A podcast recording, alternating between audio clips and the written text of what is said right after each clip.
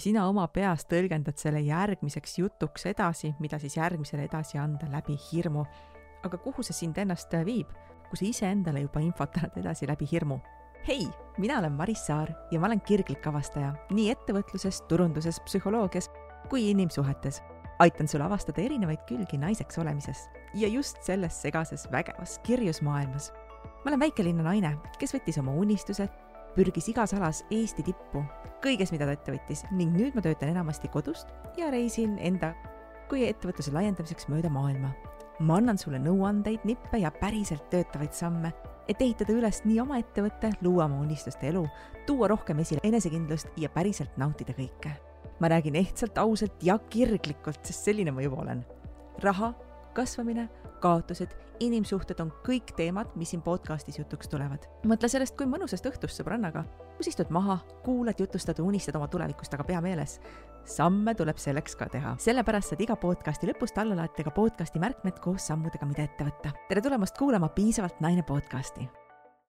juba teine podcast ja ma väga lootsin, et äh, kui jõuda teise podcastini, saab minna pehmemate teemadega ja kasvatada järjest rohkem üles sisu. Aga tuleb välja niimoodi, et olukord maailmas on üsnagi ärev ja kuna mina elan Eestis ja tõenäoliselt enamik, kes seda praegu siin kuulavad, elavad ka Eestis, siis on väga tõenäoline, et ärevus on hästi-hästi üleval ja ma ei saa sellest kõrvale vaadata. minu taust terapeudina annab mulle selle eelise näha erinevaid taustu, erinevaid tagavaid, miks tekivad mingid tunded ja ka seda, kuidas neid lahendada ja seda nõuannet ma tahaksin edasi anda. Ehk siis tänane podcast on tegelikult löödud kolme lahtrisse, et kuidas saada ärevusega hakkama tööl, kuidas saada ärevusega hakkama koolis, lasteaias ehk siis lastega? Ja siis eraelus samamoodi. kindlasti siin põimuvad mõned teemad läbi ja kindlasti mõni teema on ka ühte või teistpidi kellelegi olulisem. võib-olla kõigepealt ongi hea lahti defineerida seda, et mis asi see ärevus on ärevus tihti on teadmatus, ta on hirm teadmatuse ees, ta on lahenduste puudumine. ehk siis see tunne on seotud sügava hirmuga. ja tihti tuleb see välja kehas tugeva tundega, mõnel inimesel on hingamine raskendatud, mõni läheb nii-öelda sassi, hakkab üle mõtlema, mõnel tekib meeletu kurbus ja äng. ja mõnel on rinnakus suruv tunne ehk siis nagu kuulda selle lühikese selgituse peale on see, et ärevusel on mitu erinevat tasandit. tal on füüsiline tasand kehas kui ka vaimne tasand peas ehk siis a la keerlevad mõtted näiteks. ja see kõik võib viia nii-öelda kasvada ja viia unehäireteni. ja vaadates kõike seda, mis maailmas toimub, siis mina usun, et praegu seda ärevust on meeletult palju, et esialgu on meil läbi saanud esimene ärevus või läbi saamas loodetavasti uh, ilmselt mitte, aga siiski nagu vähem tähelepanu saamas, äkki paremaks minemas. nimega koroona on ju ja nüüd meie lähiriikides toimuv on teine ärevus. noh, selle tasandid on veel mitmeid, arvestades meie toredaid naabreid, aga ka meie kaitsesüsteeme ja, ja nii-öelda neid süsteeme, kuhu Eesti kuulub, siis võiks ju justkui tunda ennast turvaliselt ja hoituna ja see on väga õige mõte väga-väga nagu hea lähenemine aga teiselt poolt mina usun, et igalühel võiks olla oma saatus iseenda kätes, ehk siis võiks olla valik sellest, mida ma teen, kuidas ma teen ja kuhu ma lähen, ikkagi iseenda käes. võib-olla olekski see aeg praegu, vaadates ringi, mis maailmas toimub, iseendaga korraks maha istuda, kuulata enda jaoks neutraalselt adekvaatseid infoallikaid. Infot tuleb igalt poolt ja hästi-hästi palju. tee TikTok lahti, meeletult videosid. Tee Twitter lahti, meeletult tweet'e.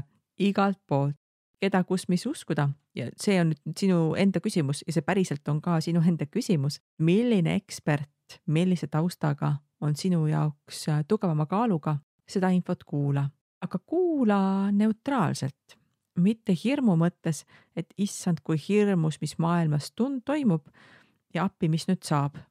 et see on okei okay niimoodi tunda, aga minu soovitus oleks korraks kasvõi korraks teha hingamisharjutusi ja kuulata seda neutraalselt infona, et see on lihtsalt info, mis sulle praegu edasi antakse selle olukorra kohta. see on selline kaalutlev, neutraalne tunne, mida tihti tuntakse siis, kui sa ei ole, kui sa oled üsna tugevas fookuses, a la tegeled numbritega, oled just trenni lõpetanud ähm,, oled just midagi head äh, saavutanud, ehk siis on selline fookuses tunne.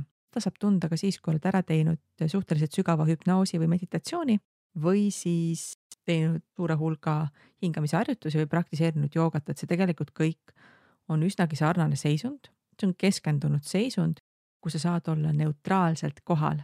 kui sa ei lähe tundega kaasa, ehk siis üleüldise paanikaga sa suudad selle kõrvale jätta, kasvõi korraks, see aitab sul infost paremini aru saada, et mis on see, mida praegu antakse edasi. igal muul juhul võib sul endal tekkida enda jaoks telefonitunne, ehk siis keegi räägib midagi ja sina oma peas tõlgendad selle järgmiseks jutuks edasi, mida siis järgmisele edasi anda läbi hirmu. aga kuhu see sind ennast viib, kui sa iseendale juba infot annad edasi läbi hirmu? ma ei ütle, et see olukord ei ole hirmutav, aga ma ütlen, et proovi seda vastu võtta läbi hirm äh,, ilma hirmuta. ehk siis näiteks hingad sügavalt rahulikult sisse-välja. ja proovid lihtsalt kuulata, mis on need faktid, mis edasi antakse. mis toimub ja kuidas see mõjutab sind praegu sellel kohal ja mis on sinu jaoks oluline, et kas sinu jaoks on näiteks oluline aidata neid inimesi, tee LinkedIn lahti, kui sa LinkedInis oled, ma olen kindel, et vähemalt ühel sinu tuttaval on kuskil mingid soovitused või Facebook või Instagram, kuskil kellelgi sinu tuttaval on vähemalt üks link, mille kaudu saad aidata. ja kui tundub, et oht on sulle näiteks endale lähemal, siis mida teha? ka see on see koht, mida neutraalselt läbi mõelda iseenda jaoks sest et tegelikult see on väga-väga hea praktika. miks ma soovitan tunded kõrvale jätta ja, ja infot kuulata täitsa neutraalselt, on hästi lihtne näide. Kuigi me oleme empaatilised inimesed ja empaatia on väga-väga hea oskus ja võime, siis empaatia faktide töötlemisel ja info töötlemisel ei ole alati kõige parem tööriist.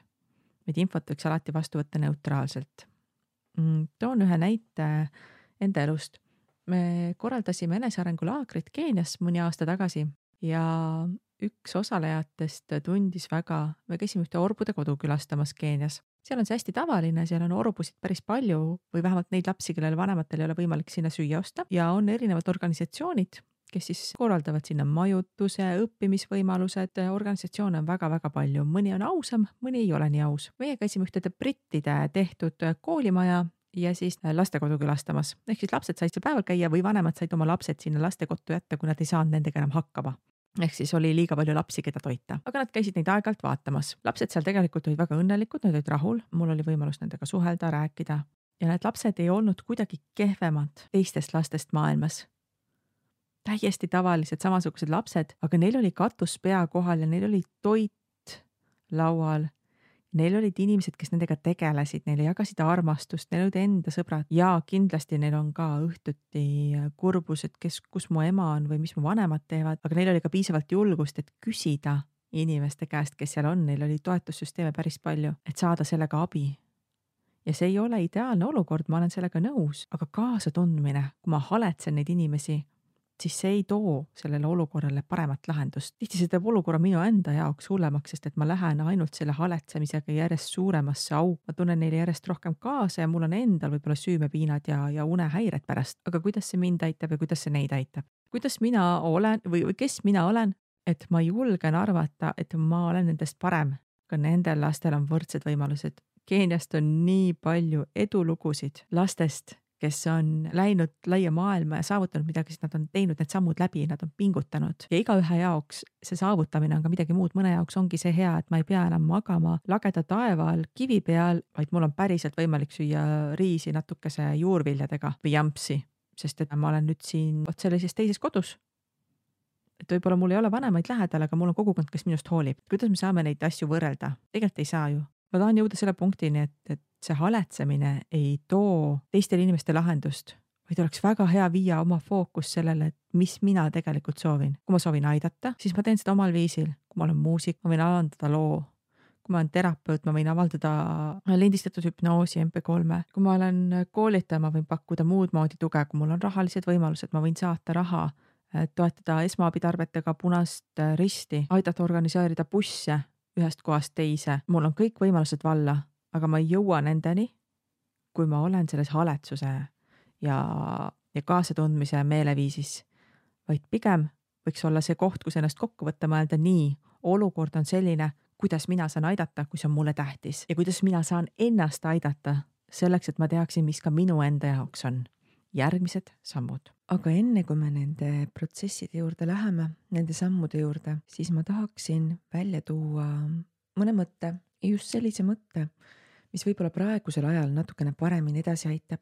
mingid aastad tagasi, kui meile tuli koroona, siis tegelikult tegid inimesed läbi sarnase protsessi, nagu me teeme praegu. ehk siis praegu me teeme läbi täpselt samasugust leinaprotsessi nagu siis, kui tuli koroona. ja see mõte ei ole minu mõte, see mõte tuli mul lähikonnast, aga minu arust see mõte on väga-väga õige. Kübler-Rossi mudeli järgi on leinaprotsessis viis erinevat sammu. šokk ja eitamine, mille me oleme juba läbi teinud, siin puhul küll hästi kiirelt Ehm, koroona esimese laine puhul oli see natukene aeglasem. järgmine on viha, siis on tingimine ja siis on depressioon ja leppimine. ja eks selle tingimise ja viha juures on ka kurbus. ja minu arust on täpselt see protsess, kus me praegu oleme, just seal astmes, nii-öelda kurbuse ja viha astmes. Inimesed elavad väga tugevalt kaasa ja, ja ka ma ei saa eitada, mina ka üks õhtu, kui äh, ma leitsisin uudiseid ja vaatasin, mida mina saan omalt poolt veel teha. Ähm, täpselt samamoodi, ega ma nutsin tükk aega. minu arust on lihtsalt hästi oluline ennast mitte täpselt samastada ähm, inimestega, kes seda läbi teevad, vaid pigem vaadata seda vaatenurgast, et mida mina ära teha saan, et enda panust anda. Meil on mitmeid võimalusi, kus saab ennast kirja panna vabatahtlikuna näiteks minu äh, terapeudi oskused on väga oodatud, kuna vene keel mul ei ole väga hea, aga inglise keel on, siis äh, mina olen vabatahtlik äh, kriisinõustaja ja ma hea meelega pakun seda teistele ka, just abi mõttes. et kui midagi sellist sina oskad teha, siis seal otsitakse, selle lehe ma panen teile show notes idesse välja, marissaar.com kaldkriips naine, kuskohast seda teha saab, sina saad enda panust anda igas osas. ehk siis sa saad koolitada, sa saad õpetada, sa saad tööd pakkuda, äh, muide ka Piisavalt naine podcasti osade helitöötlust äh, ma tellin sisse Ukrainast, nii et ka see on nii-öelda pakkumise osa, aga see ei ole praegu turunduse jaoks, vaid ma lihtsalt ütlen, et on igasuguseid erinevaid viise, mida sa saad kasutada. et olla abiks. Et isegi siis, kui sa ei saa minna autoga või bussiga piiri äärde inimesi üle aitama või sul ei ole võimalus aidata toidu ja asjadega, mis on ka okei okay, või annetustega äh, Punasele Ristile, siis sa annad seda abi täpselt nii, nagu sa saad. ja see on ka väga okei okay. kõige olulisem on meeles pidada minu arust seda, et, et sina teed ka praegusel hetkel täpselt nii, nagu sa oskad. ja see ongi piisavalt hea, sest et sa ei oska praegusel hetkel paremini. Ja lein on väga loomulik protsess, millel on kindlad astmed, mida sa läbi teed. Ja kahjuks on väga suur tõenäosus, et see protsess kestab kaua. Ja ühe suurema riigi naaberriigina meie rõõm on olla siis äh, üks nendest riikidest, kus äh, tuleb äh, inimesi igalt poolt, tuleb nii Venemaalt põgenikke, kes ei taha selles protsessis olla, kui ka tuleb Ukrainast põgenikke, kes ei taha selles protsessis olla. ehk siis me saame olla multikultuurne riik, kus me aktsepteerime kõiki nii, nagu nad on ja anname omalt poolt panuse selleks, et kõigil oleks siin hea elada. minu arust see on parim, mis me praegu teha saame. pluss igal viisil igaüks saab ise aidata, aga kõige tähtsam on mitte selle protsessi sisse ära kaduda. ja mitte pidevalt lasta ennast leinaprotsessil kaasa viia, ehk siis sellel kurbusel kaasa viia, vaid keskenduda sellele, et mis on mulle oluline ja kuidas mina saan selles hetkes, kui ma soovin siis abiks olla või kui ma ei soovi, siis kuidas edasi minna. see hirm, mis on praegu inimestes näha, võib-olla toobki välja meilt selle loomalikuma poole. just selle osa, kus sa näed, et inimlikkust ühelt poolt on hästi palju rohkem ja teiselt poolt see hirm, viha, ärevus toob üles tõesti inimeste loomulikuma, loomalikuma poole ehk siis selle osa inimestest, mis jätab inimlikkuse maha, kus äh, inimesed võitlevad, kaklevad erinevate arvamuste pärast. mis me veel teeme? teeme maha, oleme vihasemad äh,, ei suhtle nii palju, tõmbame rohkem enda sisse. jällegi väga suur paralleel koroona algusega ja see võtab mind lihtsalt ennast muigama, et, äh, et tõesti, me teeme ju läbi väga sarnast protsessi, jah, mastaap on teine ja, ja olukord on ma ei saa siis öelda, kas siis kurvem või teistsugune, aga meil igalühel on võimalus panustada. tegemist on infosõjaga, infot liigub iga, liigub igasugustes kanalites ja kõik ei ole kuld, mis hiilgab. et äh, ma olen jälle show notes idesse linkinud need kohad, kus infot või need nõuanded, kus äh, kust vaadata infot ja millist äh, infot vaadata eriti kriitiliselt. siis see on see samm, mida praegu saab teha, aga võib-olla veel olulisem, enne kui ma lähen nende kolme sammu juurde, kuidas ennast praegusel ajal aidata, need on üsna üldised. on korraks lihtsalt mõelda selle peale, et kas ja kui palju ma lasen ennast mõjutada meedial, teiste arvamusel ja kas ja kui palju ma lasen ennast mõjutada hirmul ja ärevusel, mis ümberringi on, eriüksuslastel, kes ringi kõnnivad, korrakaitsekoertel korrakaitsjatega, helikopteritel, kes lendavad rohkem ringi. et noh, see on loomulik, me oleme kõrgendatud valmisoleku olekus, see on loomulik, et meil on rohkem jõude siin sees, meil on rohkem valvajaid tänavatel, see on noh, see on normaalne. me oleme lihtsalt niivõrd, niivõrd äh, lähedal ühele naabrile. aga kas see peab mind pidevalt mõjutama? või mul on võimalik ennast sellest inforuumist ikkagi välja tõmmata siis, kui ma tahan. sest et tegelikkuses nii on. Ja mina siin elus sipelgana ja tõesti, ma olen üks väike sipelgas kõikide nende inimeste seas.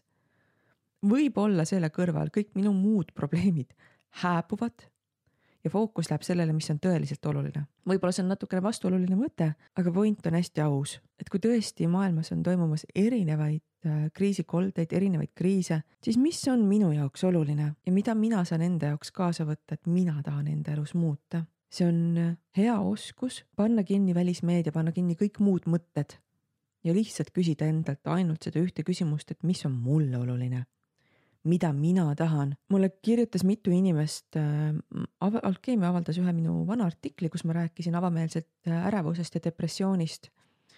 ja lihtsalt läbi oma kogemuse mitu-mitu aastat tagasi, kuidas ma selle läbi tegin. ja need nõuanded seal tõesti olid üldised. Ja mitu inimest küsis minu käest, et aga kuidas siis panna oma mõtteid kinni. ja võib-olla praegu see on hea koht, kus see nõuanne tuua ka sisse, ehk siis kui mõtetes käib kõik äh,, sõda aitamine, mitte piisav olek, oma probleemid, siis oma mõtete kinnipaneku praktika on väga-väga hea. sa oled esimese sammu teinud läbi selle, et sa tegelikult kuulad seda podcast'i praegu, see on esimene samm leida midagi muud, mida kuulata. See on küll nii-öelda asendustegevus, ehk siis sa ei kuula oma mõtteid, sa kuulad kellegi teise mõtteid. ja ma siiralt loodan, et sa võtad siit mitte null protsenti ja mitte sada protsenti kaasa, vaid mingi vahepealse osa, et sul ei ole vaja kõike ja on kahju, kui sa mitte midagi siit kaasa ei võta. aga oma mõtete kinnipanekuks tegelikult on hea suunata oma tähelepanu kas siis oma hingamisele, ilma podcast'i kuulamata, võib-olla mingi meeleolumuusika, kui sa tahad, kui sul on hästi suur müra ümberringi, aga ideaalis võiks ka oma kõrvad nii-öelda lahti hoida ja kuulata, kui sa oled looduses, loodushelisid ja suunata oma pilku kas puude liikumisele, liikluse liikumisele, lainete liikumisele. kui sa oled oma kodus, võib pilku suunata aknast välja, kui sa just ei vaata naabri akendest sisse. noh, kui sa oled kinki, siis vaata, on ju, igalühel oma. Aga nii-öelda pilgu kaugemale suunamine ja tähelepanu suunamine kuskile mujale on üks hea samm, see on esimene samm. jälgimine silmadega ja teine samm on sügavalt sisse-välja hingamine omas tempos rahulikult ja kolmas samm on tähelepanu viimine lihtsalt nendele kahele. millal iganes mõte tuleb ülesse ja neid tuleb, sest et esialgu sa oled harjunud väga-väga palju mõtlema, siis sa viid jällegi oma tähelepanu näiteks puude liikumisele või, või autode liikumisele. Ja niimoodi sa tegelikult õpetad iseennast tähelepanu suunama mujale kui sellele kõigele, mis su peas toimub see on praktika, mida saab läbi viia igal pool, ka keset kaost. harjutasin seda praktikat ähm, kõige nii-öelda tihedamas kohas Indias, keset liiklust ja see oli üllatavalt rahustav, sest sellel hetkel oma mõtteid peas enam pole. Et kui sul on näiteks raske seda niimoodi harjutada, äh, meil on olemas viie minuti meditatsioonid, ma panen selle ka sinna show notes idesse ja marissaar.com kaldkriips naine, et sa võid vaadata sinna ka seal on viie minuti meditatsioonid, mis aitavad ka mingiks ajaks mõtet kinni panna. aga minu soovitus on jalutuskäikude ajal, sest tõenäoliselt sa kuulad podcast'e siis pärast podcasti lõppemist, kui sa paned selle kinni, jälgi loodust. ja kui mõte tuleb, vii tagasi fookus looduse peale. ja niimoodi sa võiksid iga päev natukene harjutada, sest et niimoodi sa harjutad enda mõtlemist kinni panema. on ka teine viis. teine viis on hästi lihtne. sel hetkel, kui sa oled näiteks kodus, sa ei saa fookust suunata, kõike on liiga palju, on küsida endalt, mis on mulle praeguses hetkes kõige olulisem. ja see on niivõrd ähm, sügav küsimus, et tegelikult on väga raske sellises olekus oma mõtteid edasi mõelda. eriti kui sa tugeva tundega enda käest küsid, mis on mulle praeguses hetkes kõige olulisem ja mis iganes see vastus on, selle põhjal saad ka edasi tegutseda sest et sa ei saa olla päästeingel, kes kõiki aitab, aga sa võid alustada iseenda aitamisest ja see on väga hea esimene samm. sa võid alati alustada iseenda aitamisest. ehk siis nüüd võikski enda jaoks läbi mõelda seda, mis on minu jaoks oluline praegusel hetkel. ja et kui ma soovin aidata, siis kuidas ma saan aidata ja et kui oht tuleb lähemale mulle, siis mida ma teen. näiteks tööl võib alati, võtame töö tööl võib alati teha läbirääkimisi, olenemata töökohast, oled sa teenindaja, oled sa tippjuht ja küsida näiteks, et mida teeb ettevõte, et aidata neid, kes on kriisis. olgu siis selleks kolleegid välismaal või äh, asukoha kolleegid siin riigis, kes on välismaalt pärit või kas ettevõttel on mingid toetusmeetmed nii äh, organisatsiooni toetamiseks kui ka näiteks sinu vaimse tervise toetamiseks, kui see kriis sind isiklikult mõjutab. väga mitmed ettevõtted pakuvad seda et tasutakse vaimse tervise spetsialisti teenus kinni või vähemalt maksavad mingi osa kinni, sest et äh, tegelikult töötaja vaimne tervis on meeletult oluline ettevõtte eduks. Samuti sa võid ka läbi mõelda seda, et kas see üleüldine tööfoon, kas see tunne ja meeleolu, mis valmid, valitseb sinu töökohas, kas see toetab sind? et kui see sind ei toeta, seal on näiteks sinu jaoks liiga palju negatiivsust, siis kas sul on võimalik teha tööd kodust ja eraldada endale koju turvaline nurk. või siis, kas sa saad leida viise, kuidas leida kas endale sobiv töö või rahunemine omal tööl. On see siis muusika kõrvadesse panek, oma töökoha ümberseadmine, jah, muusikaga näiteks enda väljalülitamine mingitest protsessidest, võib-olla ka mingite seltskondade äh, vältimine. Ja kuigi see ei ole kõige parem lahendus, siis minu juures on väga palju kliente käinud just terapeudi juures, Äh, terapeuditeenust saamas, äh, kes räägivad seda, et neil on väga palju, kahjuks on see just tihti olnud naiskollektiivides, kus äh, naised klatšivad ja räägivad kõiki teisi selja taga. et mul ei ole teadmist, kas see inimene, kes on mulle seda rääkinud, on ka ise ühel hetkel olnud see, kes taga räägib või mitte. aga neid olukordi ilmselt on väga-väga palju ja mul on ka selle kohta tõesti oma arvamus mina olen iseennast õpetanud, et ja, ja soovitan ka oma klientidele, et tegelikult ei ole vaja mitte kedagi taga rääkida. mis see sulle juurde annab, kui sa kommenteerid ja mõtled teise elule, miks see teeb sind rikkamaks? Miks sa tunned ennast nii alaväärsena, et sa pead teise inimese käitumist kommenteerima? tõenäoliselt on see mingi muster, mis on tulnud sulle kas siis vanematelt kaasa, pereliikmetelt kaasa või sa tunned, et su elu on lihtsalt nii igav ja sa kommenteerid teisi. tegelikult sul pole mitte mingit õigust kommenteerida teisi, sa teed seda meelelahutuseks, sul on igav. aga äkki su elu läheb paremaks, kui sa leiad mingi teise hobi, lihtsalt sellele inimesele, kes klatšib teisi taga. Ajaviitena ja alati võib ka selle podcast'i kinni panna ja öelda, et pole olemas, jumala nõme ja mind taga klatšida, fine, laske käia, kõik on okei okay. aga kui sa oled see inimene, kes teisi taga räägib, siis korraks mõtle selle peale äkki sa saad oma energiat, sest et ka see, mis sa sõnades välja ütled, on tunne, see on energia, sa paned sinna jõudu sisse, sa paned sinna tööd sisse, aega sisse. sinu aeg. äkki saab seda kuidagi produktiivsemalt teha, äkki sa saad endale mingi hobi leida, midagi muud teha, midagi muud uurida, vaadata, kuidas edus saab, elus saab edasi minna. äkki on midagi muud ja kui sina oled üks inimene, keda sellise kollektiivi käitumine häirib, siis sul on alati võimalik ka seda hästi viisakalt tagasi peegeldada või eemale astuda sest et tihti selline vastuseis, kui sa lähed mõnele sellisele kollektiivile vastu seisma, ega see lahendust ei too. See tekitab sulle endale rohkem pinnet, pinget tihti ja ka süütunnet ja no me kõik teame, et see ei ole väga kasulik. ja kui sa pole oma tööga rahul ning see töö sind muserdab, võiks hakata vaikselt muid võimalusi leidma ja alati on võimalik ka töölt võtta pause. et kui te lähete lehele hüpnoos.ee kaldkriips kingitus, siis seal on viie minuti meditatsioonid. me oleme nimetanud need vetsumeditatsioonideks sellepärast, et kui kuskil mujal pole aega ega kohta, kus võiks äh, rahulikult äh, olla või kuulata ennast, siis vetsus tavaliselt on see võimalus olemas. ehk siis alati võib võimalik, alati on võimalik minna vetsu, kus saab rahulikult olla. üks mu klient selgitas nii vahvalt, et tema võtab need lindistused, paneb oma kontori klaasiukse kinni, lükkab oma jalad laua peale ja kuulab viis minutit, et see aitab tal meeletult paremini tuua keskendumist sisse. Saab tööpäevaga hoopis teistmoodi edasi minna. sest et tööpäeva jooksul on vaja teha pause. mõni teeb pausi suitsupausina, mõni teeb kohvipausina.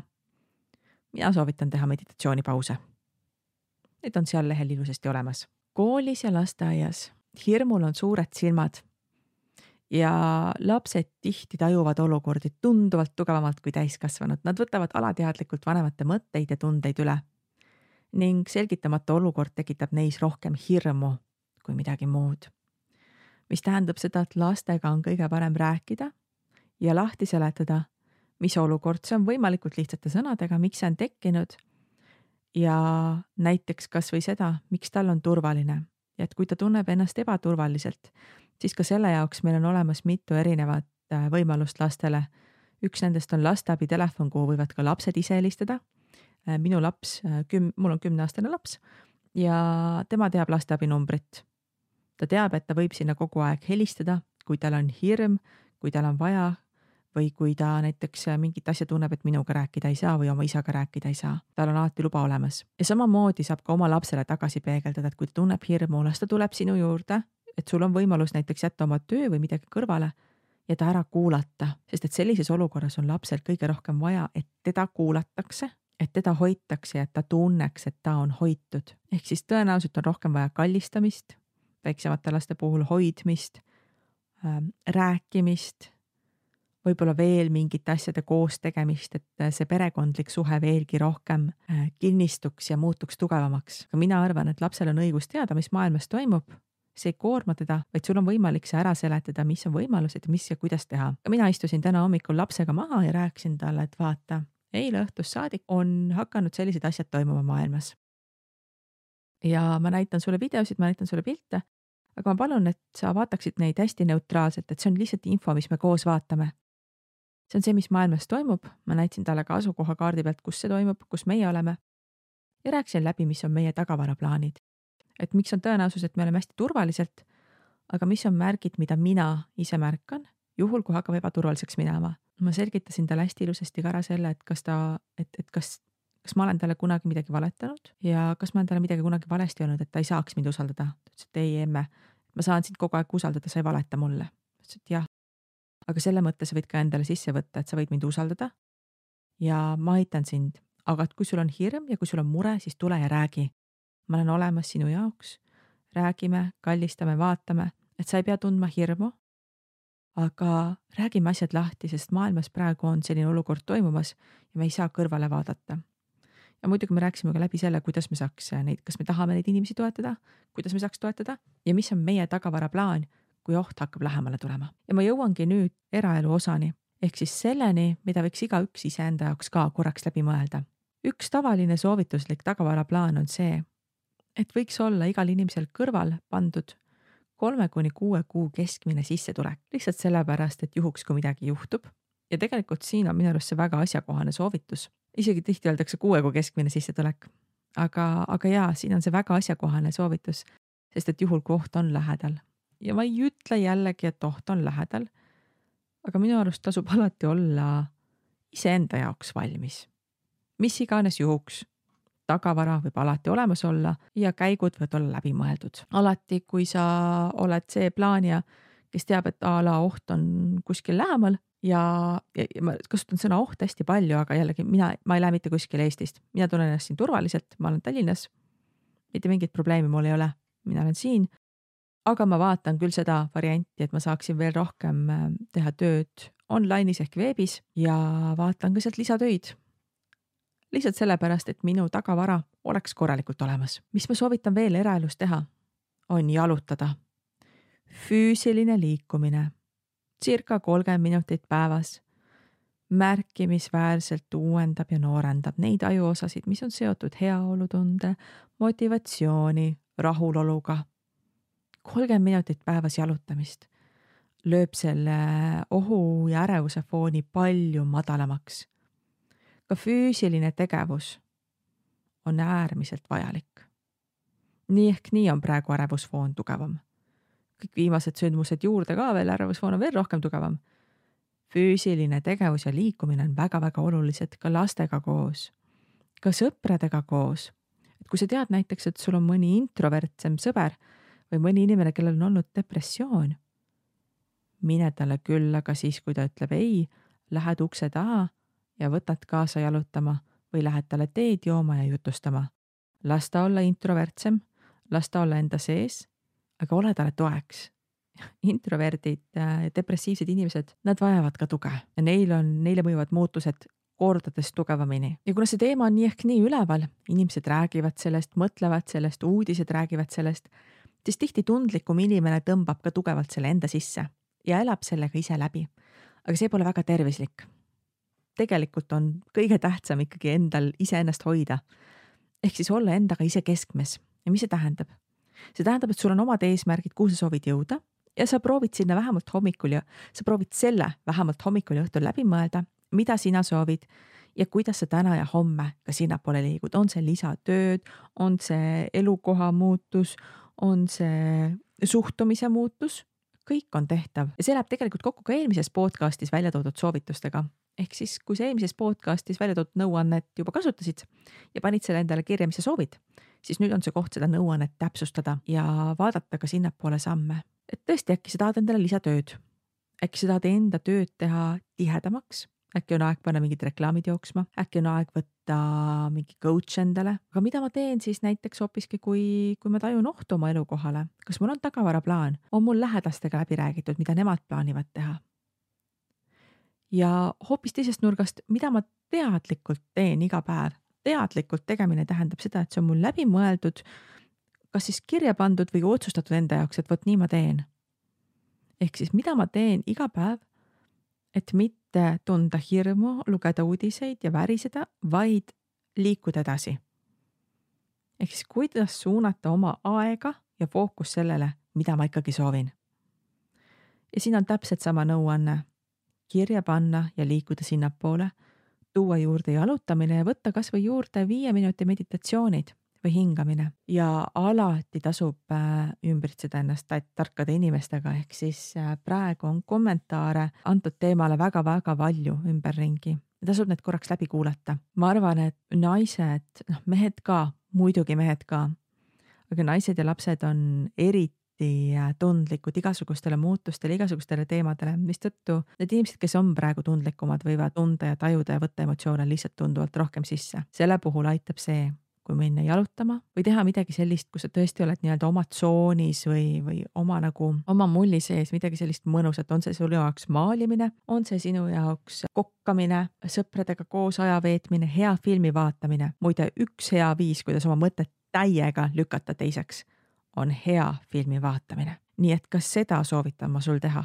täiega mõnuga. Ja kindlasti ma palun, et sa peaksid seda meeles, et ükskõik, mis sa siit nõuannetest võtad kuulda, ükskõik, mis su elus toimub, sa tegelikult oled kogu aeg piisavalt naine, sa oled kogu aeg piisavalt hea, aga mina siiralt loodan, et see podcast on sulle andnud vähemalt mõtlemisainet ja, ja natukene liikumist sinnapoole, et ma vähemalt teadlikult julgen esimesed sammud teha, et kõik see, mis ümberringi toimub, mind enam nii tugevalt ei mõjutaks.